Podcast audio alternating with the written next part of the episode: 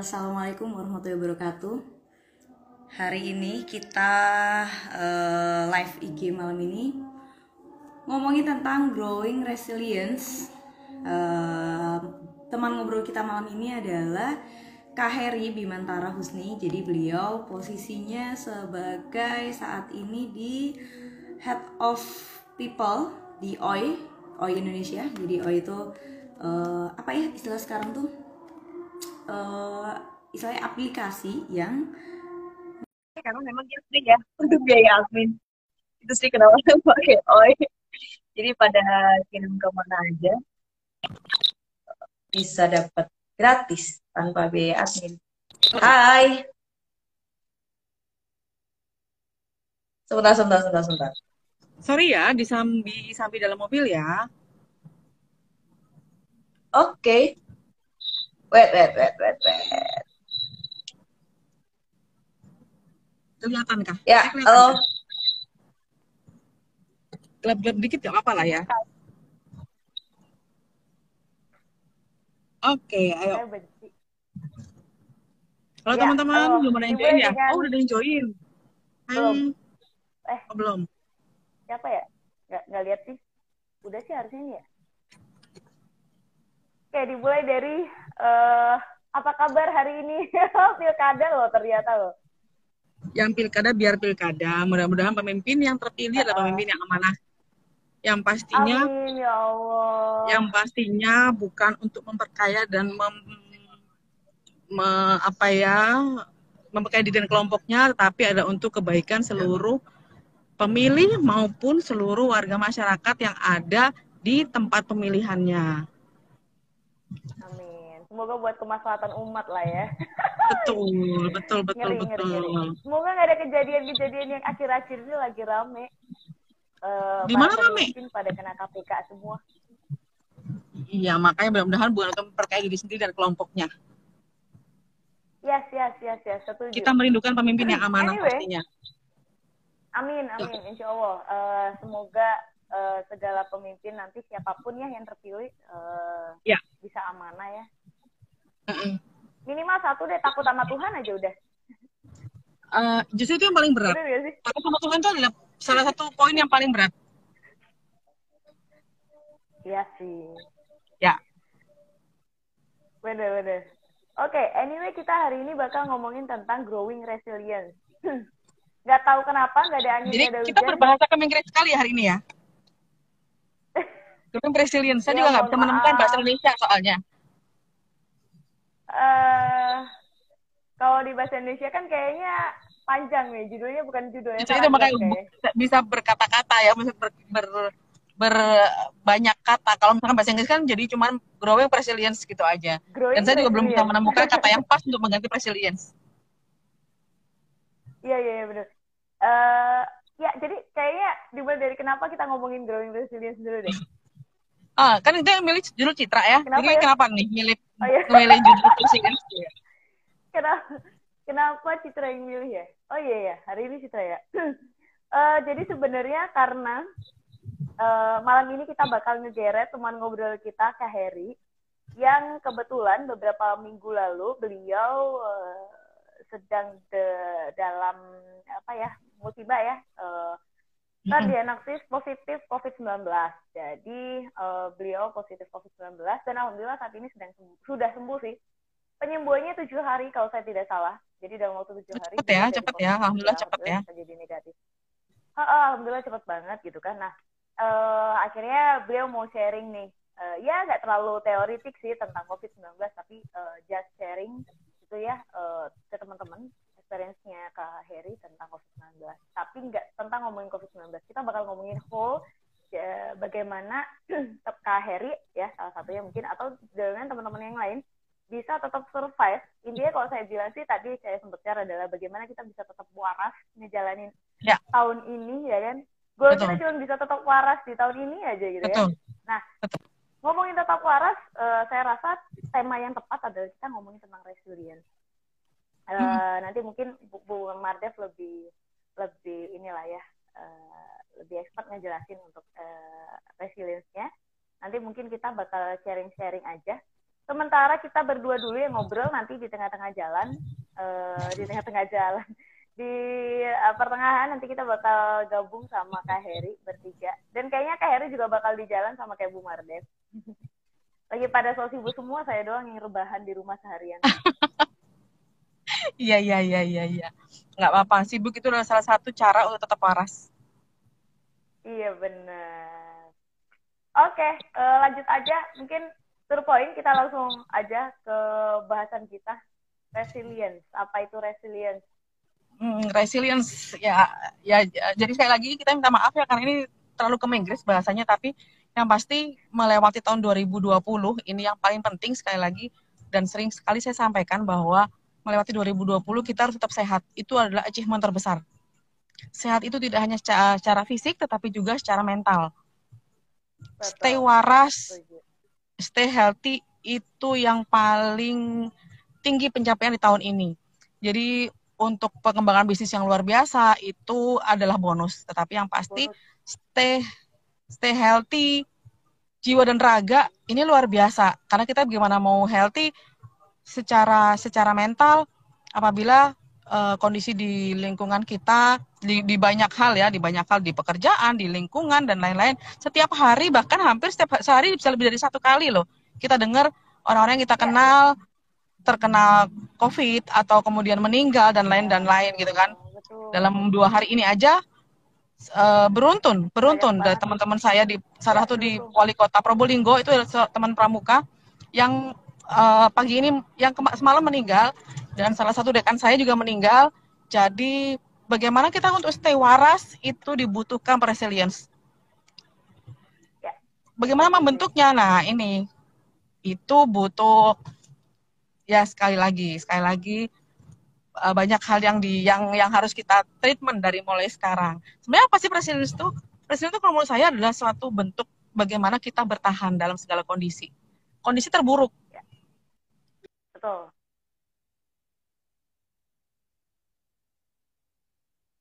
Buffering ya di jalan ya. Tidak saya. Lanjut.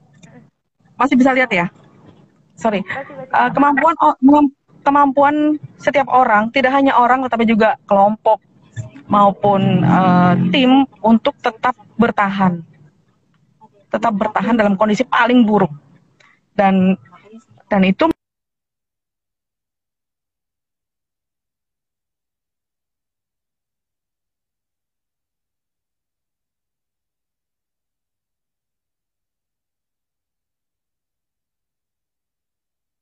ah ini kayaknya buffering nih uh, dari Bu Mardev karena lagi di jalan jadi kondisinya harusnya oke okay. bisa lihat saya masih ya uh, saya nih Bu Mardev uh, tadi suaranya sempat hilang sempat hilang ya.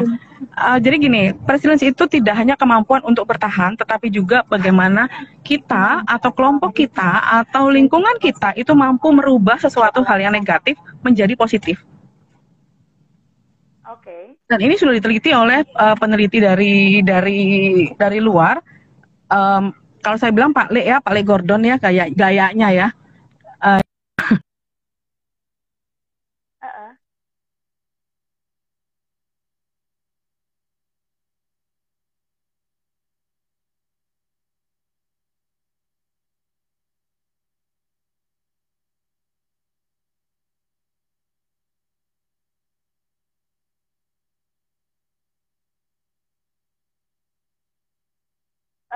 suaranya Bu Mardes hilang lagi nih bener-bener uh, kayaknya sinyalnya kacau banget ya. Hilang lagi? Uh, saya di bawah jembatan layang suaranya nggak ada nih Bu Mardes hilang-hilangan. Oh nggak ada. Oke. Okay. ada suara saya? Oke okay, ini baru muncul SMP, lagi. Uh, jadi uh, Goldberg mengatakan bahwa itu adalah kemampuan seorang untuk bertahan dan merubah tadi. Ya yang tadi saya sampaikan. Lalu dalam dalam dalam untuk menjadikan seperti itu apa sih yang harus kita lakukan? Sebenarnya di, di agama kita ya. Sekali lagi kita juga ada akun dakwah tambahan akun dakwah ya. Iya udah lama nggak akun dakwah ya. Ini ini ada akun dakwahnya loh. Okay. Okay, kalau Godbook mengatakan bahwa Uh, Godbook mengatakan bahwa ada tiga cara untuk uh, menjadi untuk growing resilience. Yang pertama adalah I have I am, dan I can. Jadi kalau Godberg bilang bahwa I have, kenapa saya katakan bahwa inner circle itu sangat luar biasa pentingnya. Orang-orang terdekat di sekitar kita, di lingkungan kita itu adalah orang-orang yang penting sekali untuk untuk kesehatan mental kita. Kita juga pernah ngerasain ya ketika uh, lingkungan inner circle yang negatif, yang selalu menyalahkan kita dan kemudian memandang negatif kita, membuat kita makin terpuruk. Betul. Nah, ini uh, I have ini juga sebagai bentuk acceptance bagaimana kita menerima diri kita. Kalau dalam beberapa uh, apa namanya uh, kajian psikologi bahwa ketika seseorang itu sedang mencapai terpurukan, orang sekitarnya adalah yang membuat dia makin terpuruk atau makin atau bisa bangkit.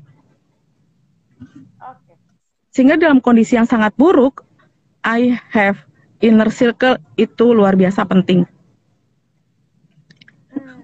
Dan dalam dalam Islam, da, eh, akun dakwah ya, sorry akun dakwah, uh, kita okay. akun dakwah uh, Rasulullah pernah mengatakan bahwa sahabat, ya sahabatmu itu harus dipilih. Teman boleh siapa aja, tapi sahabat harus kamu pilih. Wah, sahabat yang positif. Karena mau sehat jiwa raga, ya itu. Lagi lagi soleh saya soalnya ya. Lagi jadi ibu soleha soalnya ya. Lagi ibu yang berusaha soleha. Jadi Rasulullah mengatakan bahwa pilihlah sahabat yang sahabat yang baik. Kamu dekat sama tukang parfum pasti akan bawa parfum. Nah, e, begitu juga sebaliknya. Jadi ketika kita mengalami keterpurukan, keadaan yang yang yang kesengsaraan atau keadaan yang tidak menyenangkan, orang-orang sekitar itu mempunyai pengaruh sangat besar. Bagaimana ya. kita, entah itu menjadi positif atau menjadi negatif itu pasti dipilih. Nggak semua orang, nggak semua orang boleh kita jadikan sahabat. Memang tidak mudah menemukan sahabat yang yang yang selalu positif. Positif bukan berarti membohongi kita ya. Iya betul betul betul. Itu juga justru makin membuat kita makin terpuruk. Ketika kita susah, ketika kita tidak betul, kita pasti akan mencari sebagai manusia kita akan mencari pembenaran buat diri kita sendiri terlalu cepat nggak kata uh, ngomong saya terlalu cepat nggak sih? Nggak. Ya? Buat saya nggak. Tapi buat teman-teman ya, oke, okay, saya agak saya agak aman, slow down sedikit. Aman. Saya agak slow down sedikit bahwa ketika kita terpuruk, kita cenderung untuk mencari pembenaran pada apa yang kita lakukan. Bahkan kita cenderung menyalahkan orang lain dalam keterpurukan itu. Ya, paling gampang kita jalan ninja. Nah, jalan ninja, cari melempar kesalahan pada orang lain. Tetapi kalau inner circle kita bagus, yang bisa mengingatkan kita bahwa itu adalah salah.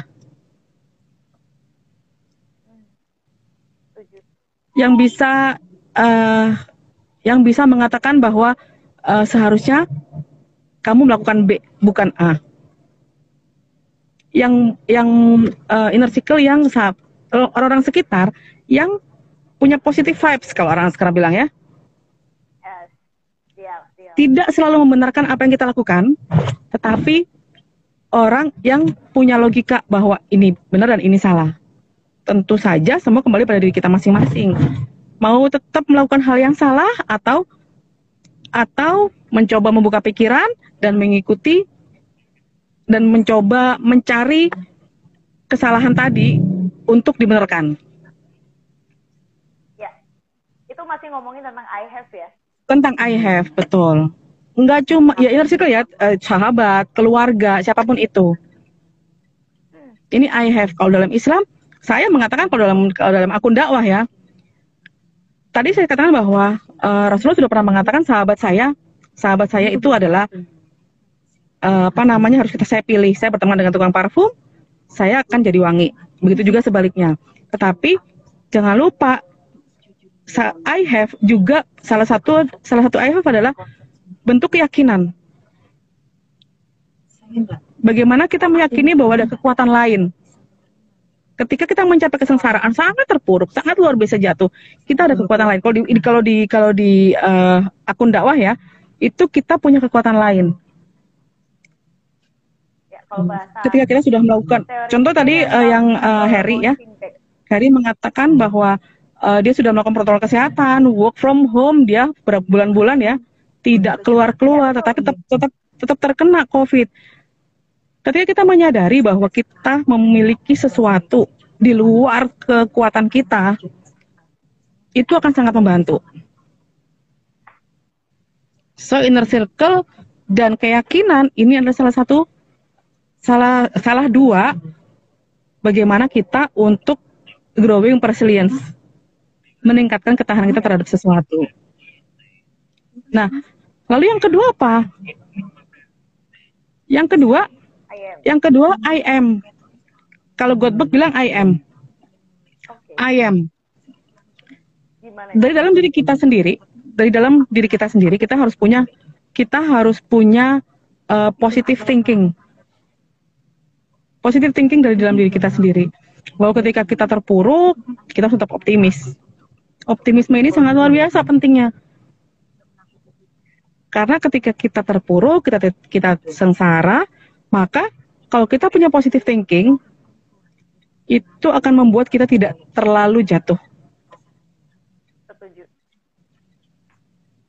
Jadi I am itu seperti kalau di akun dakwah adalah hakikat diri kita. Di dalam diri kita sendiri ya. Betul, hakikat diri kita. Kita juga sendiri, kita ya. punya, kita setiap orang punya kok uh, pemikiran positif, kita punya kok setiap orang. Nah, bagaimana itu bisa tuh ditumbuhkan? Bagaimana itu bisa dipupuk? Hilangkan minder misalnya.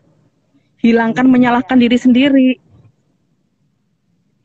Ketika kita selesai, kita uh, ketika udah punya masalah, kita harus iya. selesai dulu dengan diri kita sendiri So, uh, poinnya adalah di IM. Bagaimana menyelesaikan masalah banyak apabila diri sendiri nggak selesai. Ya. Berarti I have, I am. Yang ketiga apa? Satu lagi I can. Tunggu, I am belum selesai. Oke, okay, I am. Oke. Okay. Bentar ya, saya sampai dulu. Sudah sampai. Lalu uh, dalam akun dalam akun dakwah, I am itu apa? I am adalah ketika kita menyadari bahwa kita ini adalah seorang hamba. Kita menyadari bahwa kita itu bukan siapa-siapa. Jadi kita tidak akan bisa membuat segala sesuatu ikut dengan apa maunya kita. Oke. Jadi ini campur ya antara akun dakwah sama sama uh, apa namanya uh, saya apa orang psikologi ya Pak Goodbug sama saya coba combine dengan apa yang saya pahami mengenai uh, persilience, growing persilience, persilience, aduh bapak belibet bahasanya. Ya, jadi kita kalau menyadari bahwa kita ini adalah seorang seorang hamba, ketika terjadi sesuatu di luar, di luar dari kemampuan kita, ya sudah kita akan lebih kita akan lebih siap kita akan lebih siap, kita akan lebih mampu untuk menerima dulu, penerimaan diri. Self acceptance dulu terhadap diri kita sendiri. Ngeri, ngeri. Kenapa? Ngeri, nah, ngeri. Uh, ini ada siapa yang bergabung nih? Uh, Tante Ucan, ada uh, Mbak Anita, adik kelas uh, di Anita, Hani, Bayu, Putri Bayu, Muhajir. Teman SMA. Terima kasih ya. Putri Muhajir ini kakak kelas sekarang eh terakhir oke beliau istrinya Pak Dekan tuh. Oh. Di UMM. Saya lanjut ya bahwa I am bahwa kita memiliki kita memiliki kemampuan untuk menerima diri kita sendiri dulu. Sehingga kalau kita punya masalah dan kita menerima bahwa kita mungkin adalah kesalahan kita, ada kita mengalami kesengsaraan atau kesalahan yang kita akibatkan oleh diri kita. Yang pasti self acceptance itu penting. Menerima dengan dengan uh, sadar ya bahwa itu adalah salah kita. I am dan kalau dari dari dari akun dakwah, dari akun dakwah, dari dari konsep konsep ketuhanan bahwa kita menyadari bahwa kita ini hanya seorang hamba. Dan sistem yang berlaku ketika kita sedang sengsara itu adalah sistem yang sedang berlaku terhadap diri kita. Ini sistem yang yang Tuhan punya. Karena kan kita meyakini bahwa jat, daun jatuh bukan jatuh sendiri tetapi atas izinnya kan gitu ya. Ini konsep I am kalau menurut uh, akun dah. Saya suka loh bahasan ini loh. Iya iya iya. Lalu? Menarik menarik menarik. Nah, uh, lalu yang ketiga kita punya namanya I uh, I can. I can lah. Ketika kita sudah menyadari kita menjadi diri kita, kita punya positif vibes dari dalam diri kita, kita punya teman-teman yang positif, tinggal I can. Oke. Tinggal I can.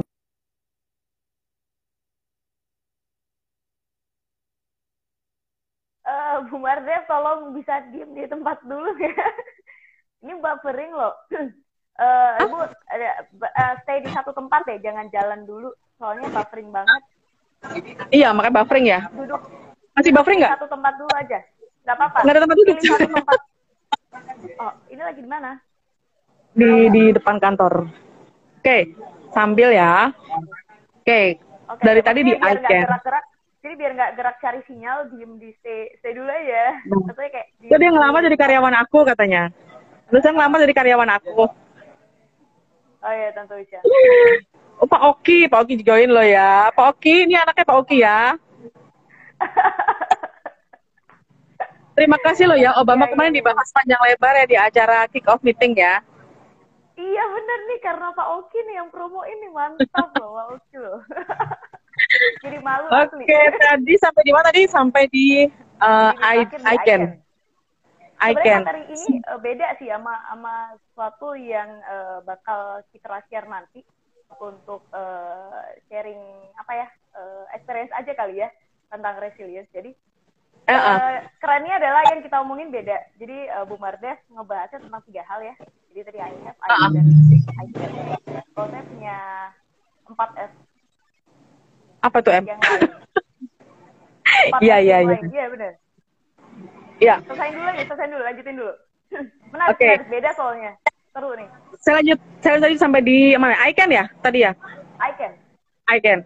Ketika kita sudah punya uh, inner circle yang baik, kita sudah punya uh, apa namanya positif positif di dalam diri kita sendiri.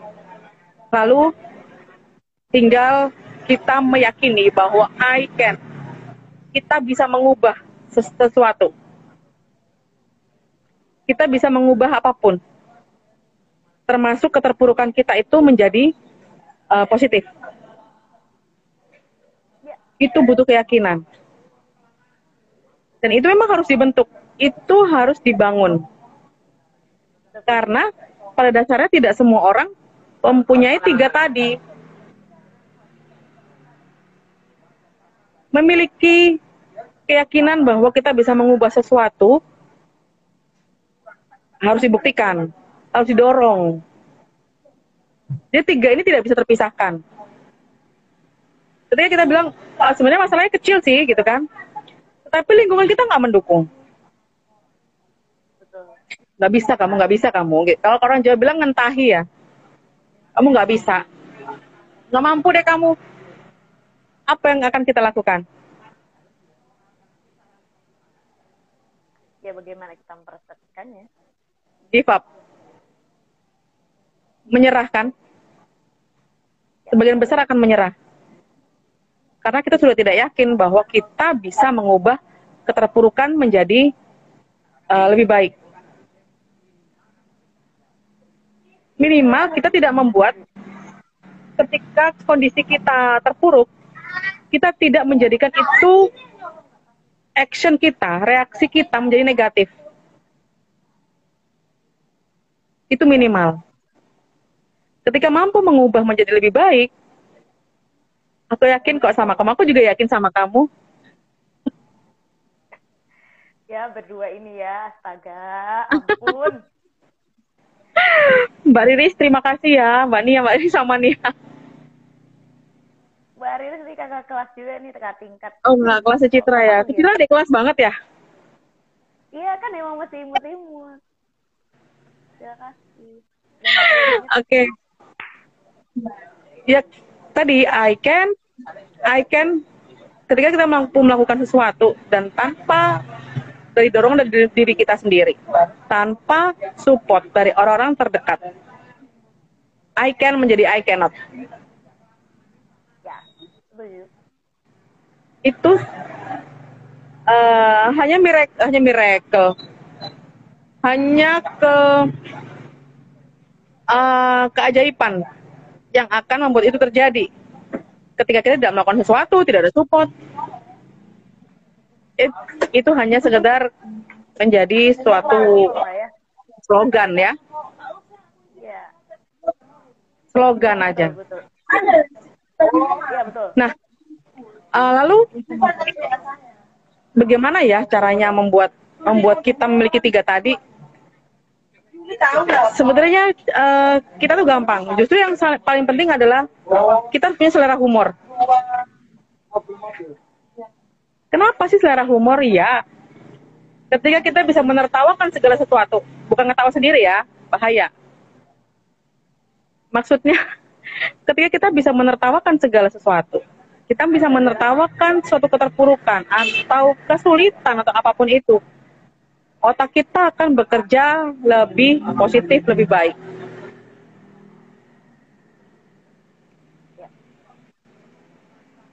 Nggak gampang, nggak gampang. Karena ketika kita terpuruk, pastinya kita hanya mikir susahnya aja. Padahal itu harusnya jalannya mudah. Tapi karena kita tidak punya sense of humor, akan jadi mudah sensi. Mudah bete. Ketika teman ngasih tahu, e, kamu harusnya begini, bete. Kamu harusnya begitu, sensi. Udah kayak udah kayak ibu-ibu mau dap, mau ini mau mau apa bulanan. Ibu-ibu kalah Sense of ya? Kenapa? Ibu-ibu kalah alisan. Ibu, ibu kalah arisan. Udah kalah arisan, eh mau ini kali ya, anak ini pula ya, eh, apa namanya, mau dapat bulanan mau PMS. Iya benar. Ya, ya, ya. Seru sih, seru-seru. Eh, hari ini eh, materinya seru banget tadi, buffering lagi nih.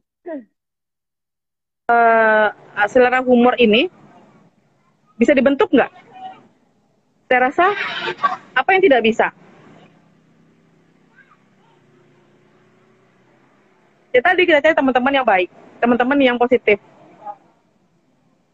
yang juga sama-sama mampu menertawakan sesuatu yang buruk. Bukan orang lewat, kalau jelek diketawain, enggak begitu maksudnya. Tetapi ketika terjadi sesuatu masih bisa tertawa itu luar biasa. Dan selanjutnya yang juga penting adalah kita punya intelektual. Eh, intelektual yang baik. Tidak harus jadi profesor, tetapi harus punya intelektual. Di mana Maksudnya gimana? kita mampu berpikir secara logis. Oke. Pernah lihat nggak orang pinter yang yang akhirnya orang pinter banget ya, Con- contoh kayak eh, apa namanya Habibie gitu, galau maksimal nggak ada. Ya. Ya nggak sih? Pernah lihat filmnya nggak sih? Nggak tahu ini ini film ya. Saya hanya lihat di film, saya nggak kenal beliau. Tetapi ketika dia di Jerman ada filmnya waktu itu Habibie Ainun saya nonton kebetulan. Eh, di filmnya dia di Jerman harus mencari pekerjaan yang membuat dia sepatunya sampai sobek-sobek. Apa yang dilakukan? Dia tetap pulang ke, ke pulang mengajak Ibu Ainun, sendalnya ditambal. Kalau teman-teman pernah lihat pernah lihat Habibie Ainun pasti pasti inget ya yang yang eh, episode ini ya. Ketika dia ke sana kemari Iya, iya. karena dia beasiswa S3 yang kemudian dia harus nambahi uang belanja yang sana sini akhirnya sepatunya rusak. Orang punya intelektual tinggi tidak akan tidak akan eh, terpuruk terlalu dalam. Bukan berarti bahwa orang yang eh, punya kemampuan intelektual tinggi itu juga tidak pernah terpuruk tidak tapi dia kan punya cara untuk menyelesaikan kecuali memang sudah penyakit, ada punya penyakit jiwaan. Ya, Enggak jam berapa Bang Dan? ah, Masih masih oh, begini. berjalan. sorry, sorry, sorry. Jadi, Kalau iya ya Om. Tanggung, Oh, tanggung. Kemudian? ngobrolnya? Sambil ngobrol ya, sorry ya. Masih di jalan tuh, di jalan. Bu, bukan ketika orang intelektual dan dia terpuruk, berarti something wrong. Mungkin dia tidak punya ketiganya. Salah satu dari tiga tadi. Inner circle, eh, apa namanya? I have, I am, dan I can. Lalu yang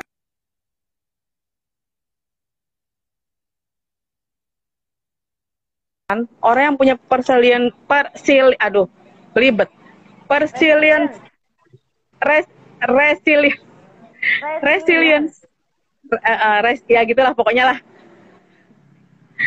Eh, orang yang memiliki resilience itu biasanya mempunyai, memiliki tem- yang mampu bertahan dalam eh, keterpurukan itu biasanya memiliki kepribadian yang easy going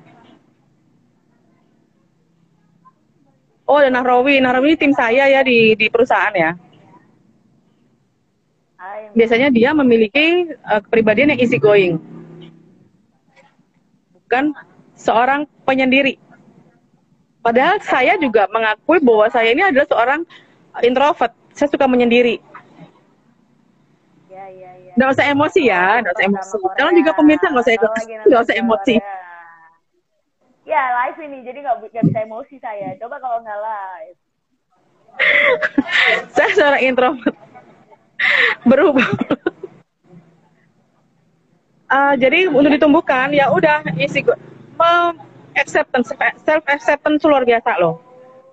Menerima menerima diri sendiri. Ya. Kita harus- uh, Eh, kalau saya boleh, ah, Mm-mm. kita apa? Lanjutin dulu deh. Ya, hati-hati. Ya, lanjutin gimana? dulu. Nggak dengar nggak dengar. Lanjutin dulu. Lanjutin dulu. Nggak apa-apa, nggak apa-apa. Lanjutin dulu. Nggak apa-apa. Jadi Ya sih. uh, eh, kepribadian, ah, Hah? Ya kan bareng kan? Kita harus punya kepribadian yang easy going. ya.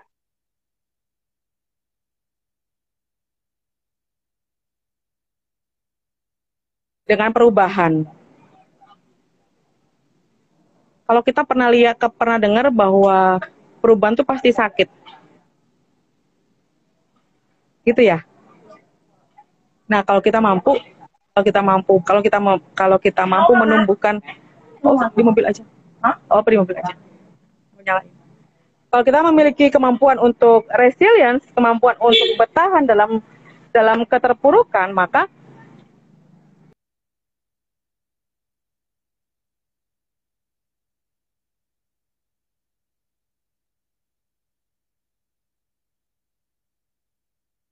punya pemimpin atasan ya, atasan kita tiba-tiba eh, ganti orang. Bisa nggak bikin bikin kita jadi malas kerja?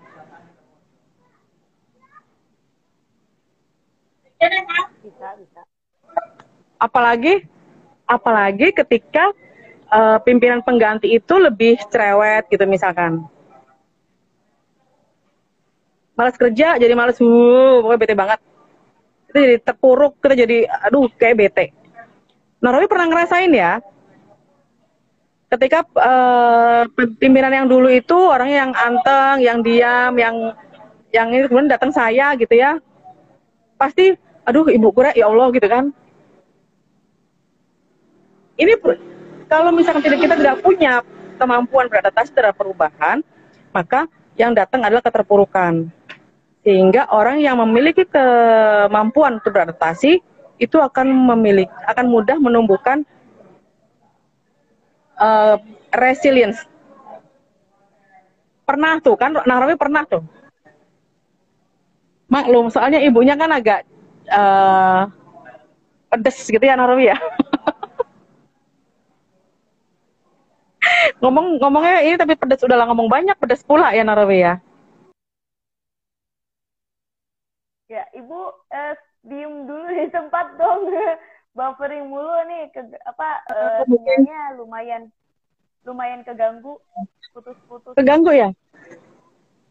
Dek, Eh, eh, agak sini. stay- diem diem di satu tempat. Tadi enggak, tadi enggak, tadi enggak terganggu. sinyal. Jadi kalau Tadi gerak, terganggu? setiap kali gerak langsung buffering. Oh, oke, oke, oke, oke. Siap. Jadi stay di satu tempat dulu mungkin bisa. Eh. Hampir jatuh. Oke, lalu sampai mana tadi? Sampai lupa aku. Eh, lagi ngomongin self acceptance sih. Tuh kan hilang lagi bagaimana menumbuhkan menumbuhkan apa namanya growth resilience adalah kita memiliki self image. Bagaimana kita memandang diri kita sendiri. Crowded nggak sih suaranya? Ada dangdutan nggak? Ya udah nggak apa-apa. Ya? Mau gimana lagi?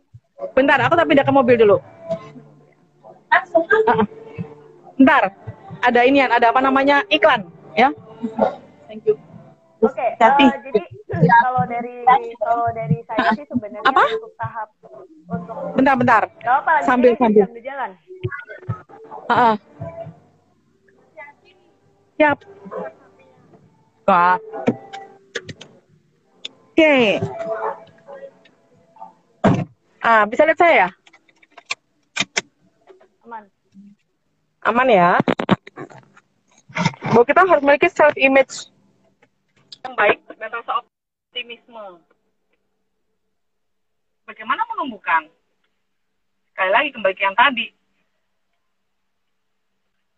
Self image, bagaimana kita membentuk diri kita. Itu kan sangat membantu.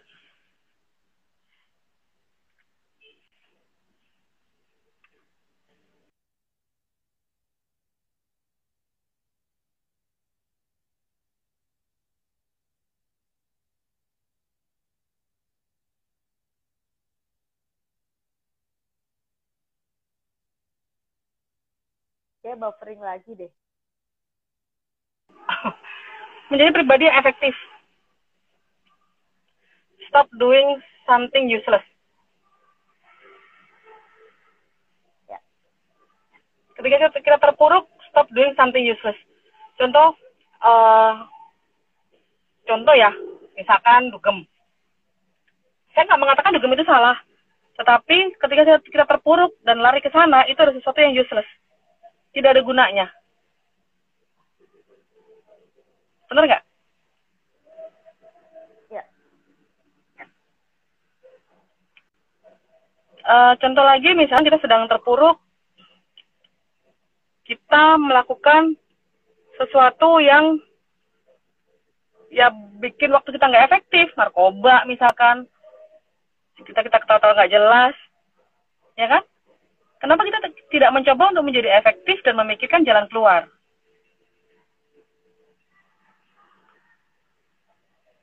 Betul tidak? Ya. Nah, eh, itu sih cara-cara saya sih. Bagaimana untuk me- me- apa, menumbuhkan menumbuhkan resilience, ketahanan dalam diri kita sendiri. Dan sekali lagi yang paling penting adalah bagaimana kita menerima diri kita sendiri. I have, I am, dan I can. Mungkin kita bisa cerita ketika eh, setiap orang pernah berada dalam kondisi terburuk ya, setiap orang, termasuk kita. Mungkin kita pernah bisa, bisa cerita. Ketika dulu dalam kondisi sakit yang seperti apa, bagaimana Citra men, me- eh, apa, bangkit. Itu kan tidak mudah. Pasti tidak mudah.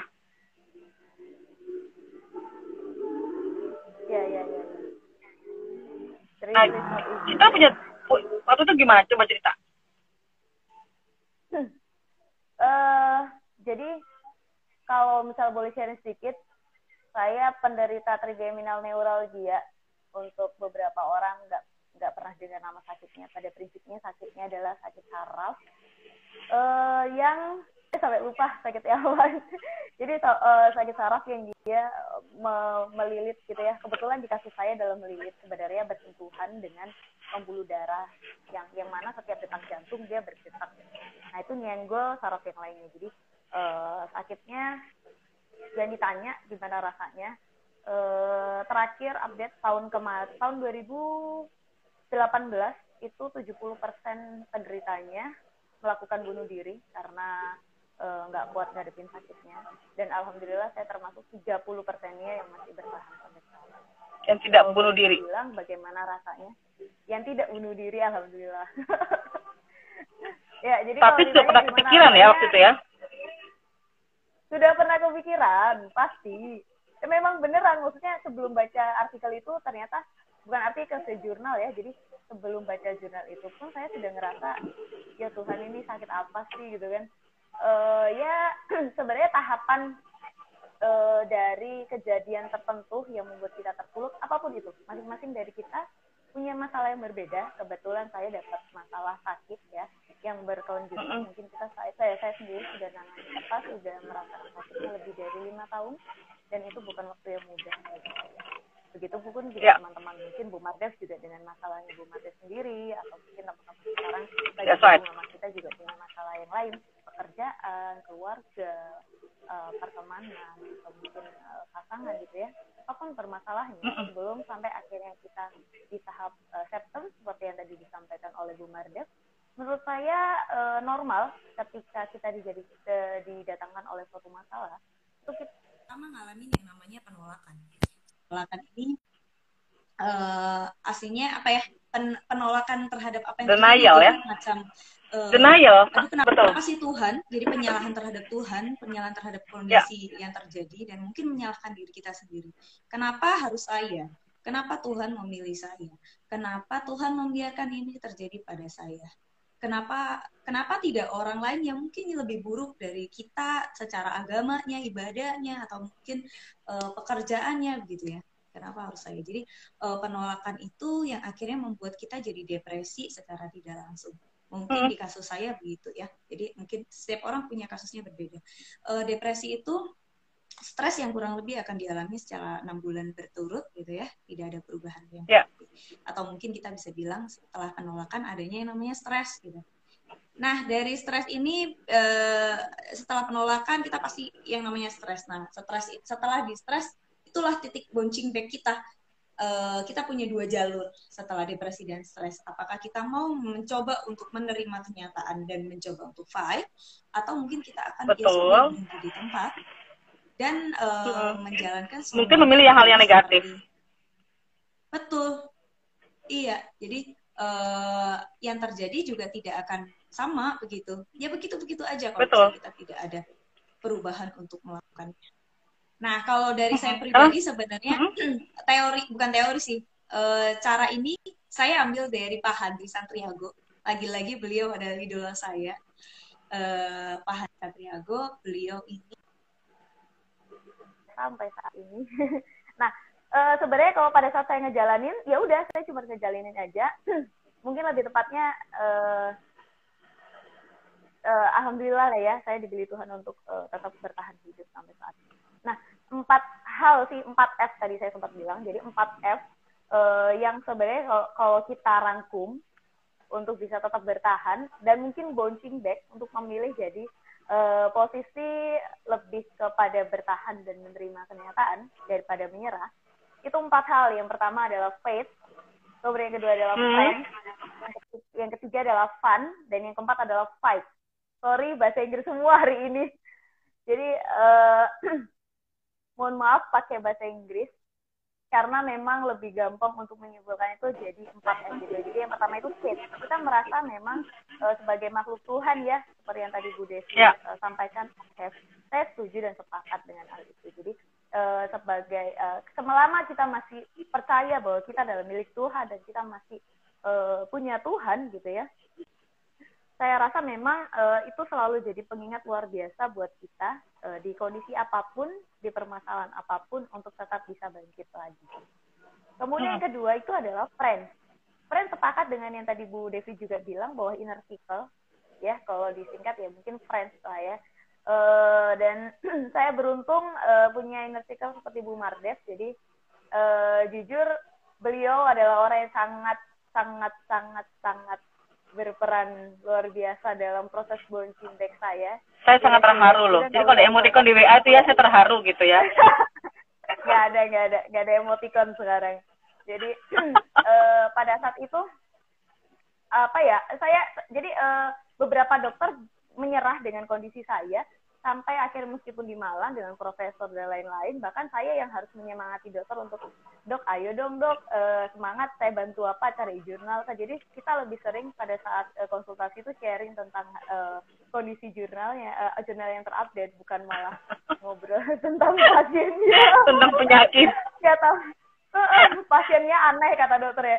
Ini yang lain pasien tuh Iya. datang ke sini nangis nangis ronta-ronta gitu. Beda dengan saya. Nah jadi saya lupa yang yang saya ingat adalah pada saat titik itu kemudian saya ada pilihan untuk eh, dioperasi ya dan operasinya lumayan gede lumayan berisiko dan eh, risikonya cukup fatal untuk permanen entah itu cacat umur hidup tidak di, apa istilahnya meninggal itu udah pasti ya karena operasi besar ada apa pelubangan di otak Di kepala ya kan? untuk ditanamkan ya di di otak jadi ditanam alat begitu ya di, di kepala saya sebelah kiri untuk memisahkan syaraf yang bermasalah itu nah eh, saya jujur nggak mau udah udah nggak nggak nggak udah nggak usah lah nggak usah aneh-aneh gitu kan. Ya mending saya mati aja udah dari awal daripada saya udah udah tersiksa mati pula ujungnya gitu. Jadi eh, penolakan pada saat itu lumayan berasa banget sebenarnya.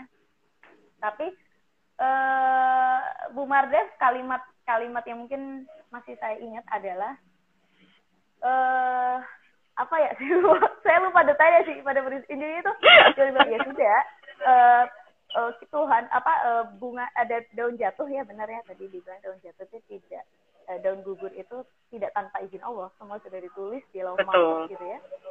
Dan eh tiap orang diuji kata Bu Mar pada saat itu tiap orang diuji dan kebetulan sakitmu adalah eh, di kepala.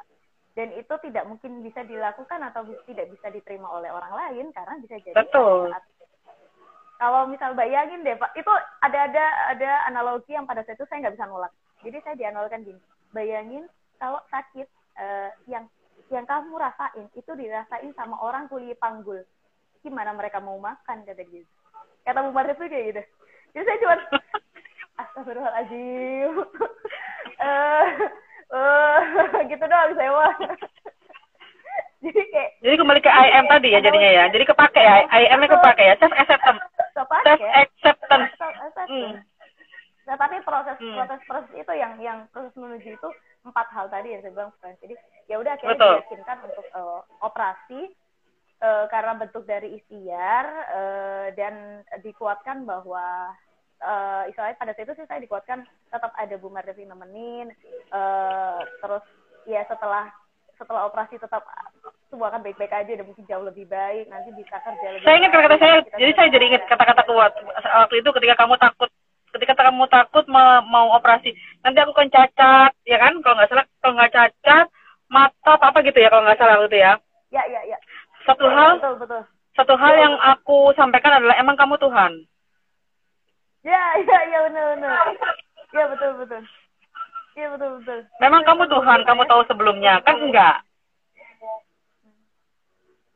Ya, ya betul. Mama bilang kayak gitu. Nah Iya, iya. eh, Jadi akhirnya, saya juga berharap akhirnya ya benar eh, akhirnya mau ya kan yaudah oke tapi temenin gitu kan Ya, Iya benar. Tapi temenin. nah Iya, eh, iya.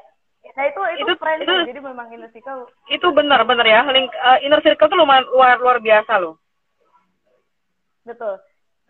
Ya, dan itu itu itu. seperti saya juga punya Jadi- Susan lihat Iya,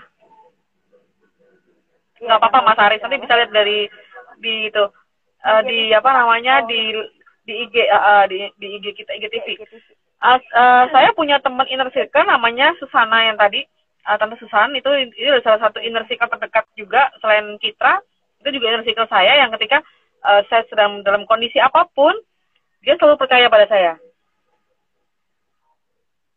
Kamu baik-baik saja dan kamu akan selalu jadi ingat lagi sehat-sehat ya. Iya dong harus sehat dong sehat itu penting sehat jiwa dan raga Iya, iya, iya. betul jadi eh, dia selalu mengatakan bahwa kamu baik-baik saja kamu akan selalu baik-baik saja. Eh, sehingga ketika kita ada masalah, kita ada sedang terpuruk atau sedang sengsara, maka eh, kalimat-kalimat dari inner circle kita itu yang akan membantu kita untuk bangkit. Ya sama kayak misalkan lagi lagi stres eh, eh, saya lagi Ya. stres apa pun lah lagi ngadepin apa pun satu hal yang mama bilang Ah. eh, satu hal yang Bu Mardes bilang apa coba kau ingat Eh, ke, apa saya, ya? ke saya ketika saya lagi takut Aku lupa. apa ya? you can do it udah gitu doang Iya betul betul. Setiap Udah, setiap ketika lagi lagi galau, lagi pusing ya. sama diri saya saya tuh sering gak percaya diri sama diri saya sendiri Sama dong kayak saya nggak pedean, jadi makanya maluan orangnya. eh nggak nggak nggak nggak. Tolong nggak usah pada emosi ya, tolong ya. nggak nggak nggak itu beda tolong itu beda itu beda Tolong nggak usah pada emosi ya, kalau dengan saya nggak pedean ya.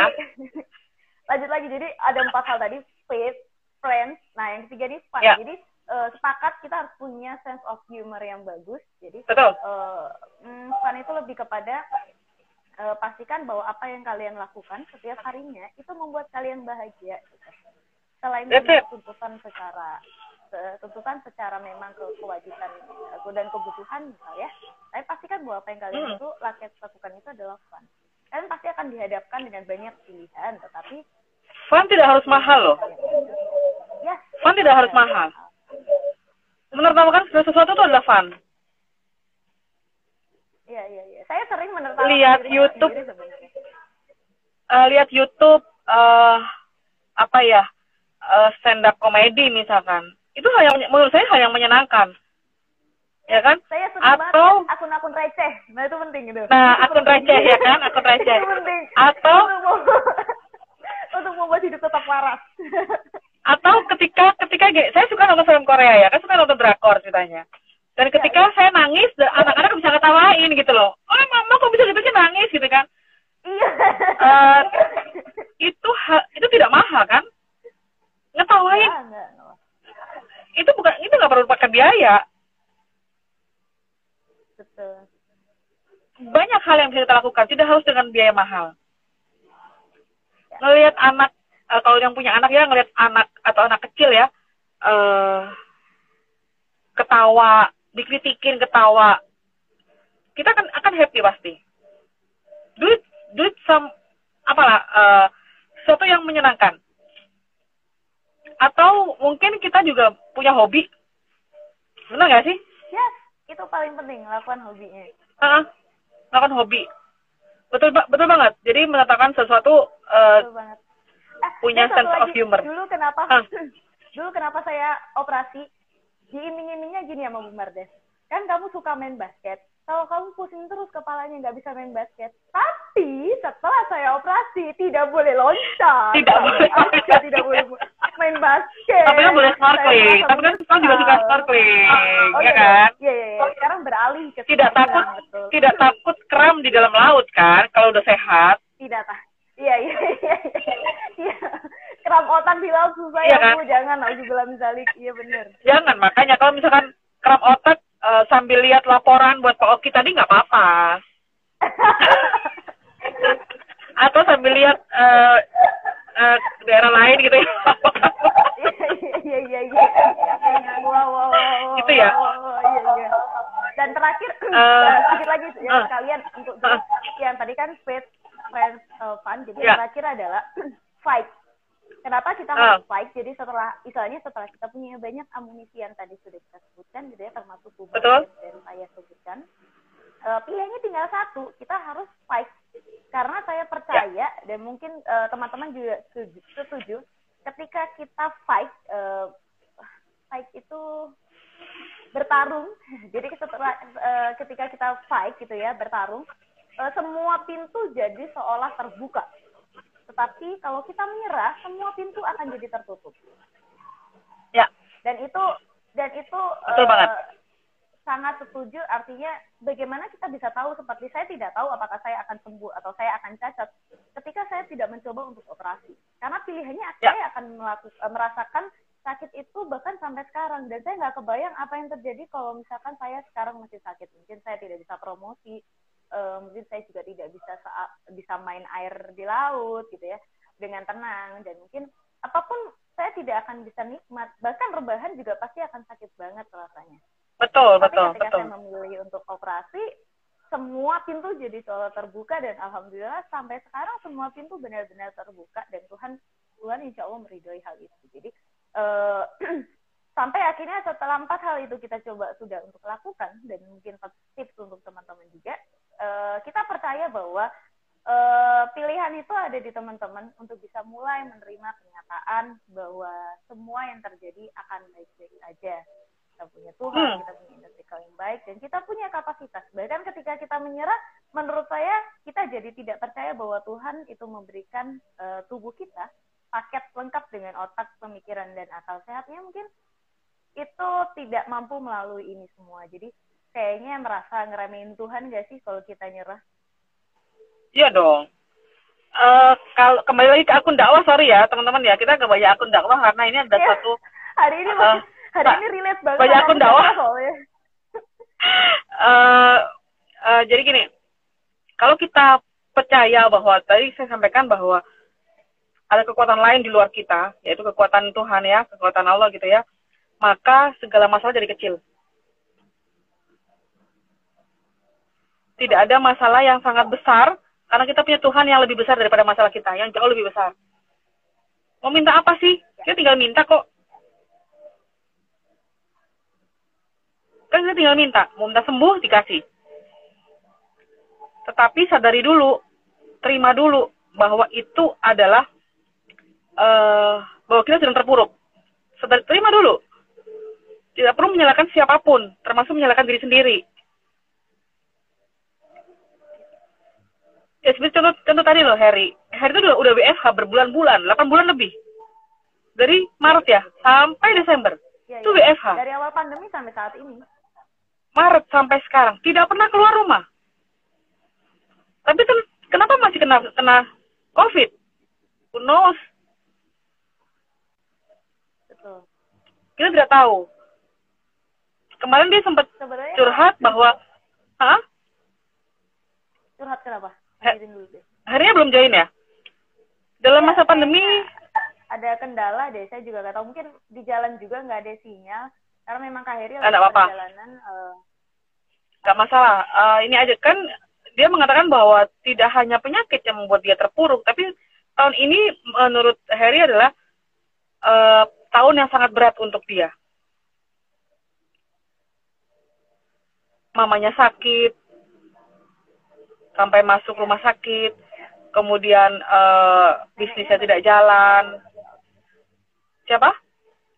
neneknya kalau nggak salah di sini lagi. nenek ya neneknya sakit mamanya sakit dan dalam waktu yang bersamaan kemudian bisnisnya tidak jalan dan sekarang yang terakhir ketika semua sudah mulai tampak kembali normal ternyata ternyata kena kena covid nah kalau misalkan eh, tidak bisa menerima dulu nih bahwa kita punya masalah yang ada depresi depresi cenderung menyalahkan orang lain. Eks- faktor Ah, eksternal pertama. pasti paling paling disalahkan adalah di luar kita. Eh, kalau saya baca, saya pernah saya bukan orang psikologi, tapi saya baca bahwa eh, salah satu ciri orang apa namanya eh, punya sakit jiwa, entah apa namanya ya, psikopat, psikopat atau apa satu lagi lupa saya. Skizofrenia. Itu? Si kese- dan lain-lain itu adalah eh menyalahkan orang lain. Orang lain itu salah, orang lain itu jahat. Menyalahkan Sadari lain dulu. atas keburukan yang terjadi pada kita. Ya, jadi apa pun keburukan, misalkan jarum salah naro, ketusuk jarum, ketusuk kena apa namanya batu kesandung, itu yang salah orang lain. So, untuk tetap waras di akhir tahun ini, di tahun 2020, terima dulu kenyataan bahwa kita punya masalah. Tidak ada orang yang tidak punya masalah. Dan nggak apa-apa. Tidak ada satupun. Sebenarnya kalau tadi saya bilang di tahapan di tahapan pertama eh, terjadi masalah yang mungkin cukup berarti, kemudian kita menyalahkan diri dan menyalahkan keadaan, itu menurut saya wajar dan itu nggak apa-apa. Hmm, Tetapi nggak apa-apa. lakukan jangan terlalu lama. Jangan Ya. terlalu lama. eh, Benar. saya kalau saya apa eh, bikin itu jadi punya eh, prinsip gitu ya. Kalau dari saya sendiri sih sebenarnya kalau setiap kali ada masalah yang cukup berat sih begitu. Boleh galau nggak apa-apa, tapi jangan terlalu lama. Ya paling lama dua hari lah gitu. Kalau bisa semalam bagus, tetapi eh, setiap orang punya waktu yang berbeda, jadi tidak perlu disamakan. Betul. Betul. Setiap orang punya time timetable ya kalau saya bilang ya eh, waktu bagaimana untuk cure untuk eh aduh saya kok ke Inggris banget hari ini ya. Maksudnya bagaimana kita untuk penyembuhan diri kita. Eh, saya juga pernah ada masalah yang ketika saat masalah itu datang saya masih sangat terpuruk sampai saya tidak suka minum kopi. Padahal saya adalah pecinta kopi.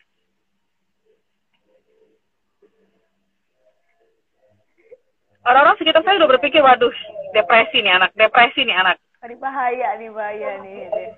udah bahaya nih melakukan sesuatu yang yang tadinya saya suka menjadi nggak suka ini juga salah satu tanda depresi kan sebenarnya ya Ya. bersyukur tidak tidak sampai lama sekali tidak pernah lama tidak sampai lama Semua semua stres itu depresi ya. Mungkin teman-teman jadi biar tidak Betul. salah saya saya luruskan terlebih dahulu. Betul. Setiap stres itu bukan bermakna depresi, tetapi ada jangka Betul, waktunya betul. dan mungkin tingkat eh, tingkat stres tertentu. Gitu. Tapi Benar. dulu Bu Mardi memang pernah di tahap seperti itu dan saya sudah mulai khawatir. Aduh ini orang kenapa ya Allah gitu. jangan-jangan depresi lama-lama nih kan gitu aduh, aduh depresi ini saya pusing ya. cuman eh, jangan lupa ada beberapa orang yang mudah sekali kena stres. Ya, dikit-dikit stres dikit-dikit stres. Ada eh, ada kertas tidak tempatnya stres. Ada kan gitu ya? Ada ada. pintu tidak terkunci stres. Ada lampu nyalanya jadi kuning stres. Ada. kalau udah begitu segera hubungi eh, profesional Iya betul. ya kok apa? Karena itu juga tidak betul. Teman-teman harus punya teman-teman harus punya lot sendiri sih paham terhadap alarm badan dan pikiran masing-masing. nah Jika sudah betul mulai tidak pada tempatnya dan dirasa memang sudah mulai eh, mengkhawatirkan, gak apa-apa Ah. kok, tanyakan kepada ahlinya aja. hubungi profesional Betul. Karena itu Bukan sudah- berarti ketika ngobrol sama psikolog sudah bahaya. sakit jiwa. Enggak, enggak apa-apa. tidak nggak ada hubungannya kalau dengan sakit jiwa Ya, betul. nggak ada hubungannya kayak kemarin bahasan kemarin kita bahas tentang Hah? Yang mana? kemarin kita bahas tentang apa Eh, saya lupa Eh, passion Oh, Bahasan kemarin kita bahas tentang passion ya. Oh, minggu lalu, ah. minggu lalu kita bahas tentang passion ya kalau emang teman-teman nggak nemu passion hubungi psikolog jadi belum tentu sakit jiwa Iya betul.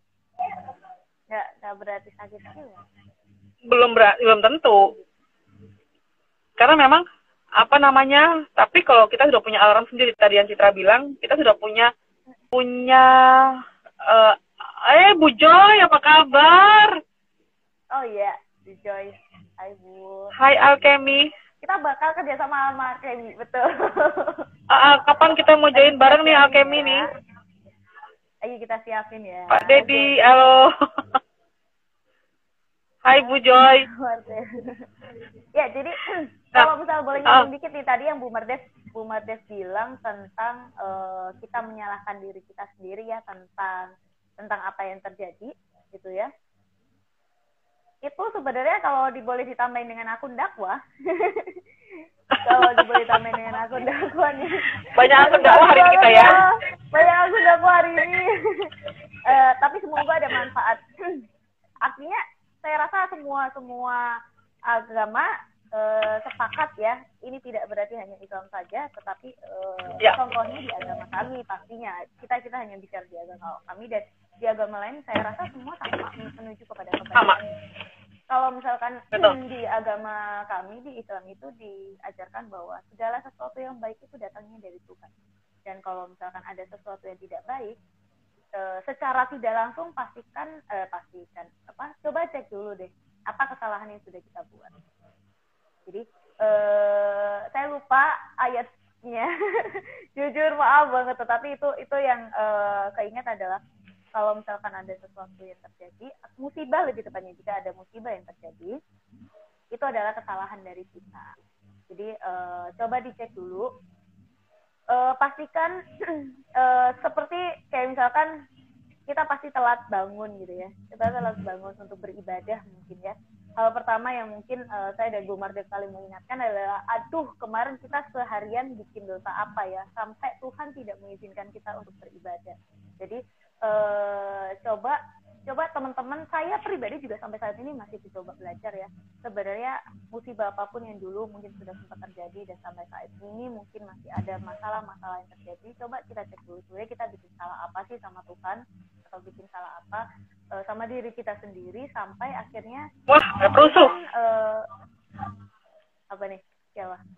Opa CR halo Opa. Sehat ya pakai masker Opa kalau ke mana-mana Opa nama bahaya ya nah jadi itu sih kalau dari kalau dari saya Bu Marnes mungkin jadi coba kita cek dulu sih Iya nggak sih? Gimana? Betul. Saya lupa ayatnya. Adik ingetnya Betul, ya? walaupun tidak semua walaupun tidak semua musibah itu adalah karena kesalahan kita, tetapi yang Tidak pasti kita tetap punya positive thinking. Ya. Itu Lo berpikir positif. Eh, Ya, lo berpikir positif bahwa apa pun yang terjadi atas kehendaknya dan itu akan membuat kita lebih baik. Yang hilang, yang hilang pasti akan diganti dengan lebih baik. itu pasti. Ya, ya, ya. Yang rus- yang- kan ada kemudahan. Nah, itu. Apa sudah pakai masker? Oke, bagus. Oke, sudah satu jam kayaknya Citra. Mm-mm. Ya, eh, jadi Sudah satu jam kita- lebih ternyata kita ngobrol hari ini. Bener. satu jam lebih. Ini eh Kak Herinya kayaknya eh, nggak bisa hadir, jadi sorry banget teman-teman. Kita jadi belum bisa ngobrol sama Kak Heri, tetapi semoga Kak Heri sehat selalu ya. Eh, kita juga tidak tahu lagi ada lagi ada halangan apa. Tadi sebenarnya udah janjian sih jam 7.15 beliau gabung. Kayaknya masih ada eh, hal yang belum bisa ditunda. It's okay. Kita ketemu lain waktu. It's okay. Eh, anyway, saya eh, kita bakal break dulu sampai ketemu di tahun depan. Bener begitu, Bu Mardes? Ya, eh, karena minggu depan saya sudah mau persiapan untuk untuk akhir tahun. Akhir tahun kita mau ngapain? Tiduran. Kita mau rebahan. Biar kayak orang-orang normal. Kita ah, juga mau betul. ambil kita juga mau ambil cuti panjang meskipun kegiatannya hanya rebahan gitu. Saya mau ambil Ya, cuti jadi- cuti ambil cuti Obama ya, dua minggu aja kok, nggak banyak-banyak. Cuti Obama hanya dua minggu aja. Eh, kan ini udah di tanggal 9 ya, jadi nanti kita Betul. Bukan dua minggu bu, kalau kalau Obama mah berarti eh Sama aja tahun depan nih. boleh. Sama Akem boleh. aja tahun depan nih. Iya Bu, siap. Kalau Alkemi, Dan Alkemi Hah? eh, gimana? Uh, jadi di tahun depan saya berharap teman-teman tetap bisa join. Jangan lupa kalau mau malam tetap dipantengin ya IG kita ya sama satu WA bahwa kita mau bikin bahasan apa dan yang pasti Alkemi harus jadi tamu pertama. Alkemi besok opening di tahun 2021. Menuju 2021 Boleh, boleh. uh, mengelola apa Bu? Kemarin lupa lupa aku. Tuang emosi. mengelola ruang emosi yang pertama adalah dengan Alchemy karena setelah pandemi tahun 2020 kita eh, bisa lepas dari tahun ini dengan sehat, sehat eh, pikiran dan sehat badan, maka tahun depan kita harus bisa mampu lebih baik dengan cara mengelola emosi. Yes. Itu ya, Bu Jo- Setuju Bu banget. Jo ya. Kita awali kita awali tahun yang baru dengan mengelola emosi yang jauh lebih baik. Emosi yang lebih eh, baik. Jauh lebih waras, lebih positif. Oh, merawat ruang emosi, betul. Iya betul. Mas. Kenapa ada ruang? Nanti kita bahas di tahun depan ya, Bu. Ya, kenapa pakai eh, Ruang. Kenapa emosi ada ruangnya? Kenapa harus dirawat? kita akan jawab semuanya nanti eh, di, Di tahun depan. IG kita dengan Alchemy dengan Bu Joy. Ya, jadi Sama Al Pacino. Al Pacino itu siapa ya? Siap, Bu Joyce. Apa Juno siap? ya, jadi kita akan break dulu eh, dalam minggu ini. Eh, sorry, dalam bulan ini. Eh, karena memang akhir tahun lumayan padat ya kegiatan untuk eh, kerjaan Betul. dan lain-lain. Jadi eh, termasuk juga kita butuh cuti panjang di akhir tahun. Sebelumnya sih sebenarnya kita nggak ngapa-ngapain, cuman kerjaan harus kayak Merebah. Bangun siang ya kan? Rebahan bangun Ah, siang. bangun siang, rebahan, nggak ngapa-ngapain seharian. Do Do nothing nggak ngapa-ngapain. itu penting banget. ya, jadi kita kita bakal break, kita ketemu di tahun depan dan kita juga Jangan lupa. buat ingetin teman-teman, kita punya Hmm, Obama mulai. Class. Ya, jadi Betul, Obama kelas. ya kita punya Ah. Obama Class. Jadi eh, itu adalah sesi untuk satu bulan ke depan termasuk di eh, di Januari kita akan mulai start eh, Ya. kelasnya. Nah, kelasnya kita dengan tema develop your career. Jadi eh, kita punya beberapa kurikulum. Dalam satu bulan kita akan ketemu empat kali, tiga kali online dan satu kali offline. Kita bakal ngafe bareng sama teman-teman.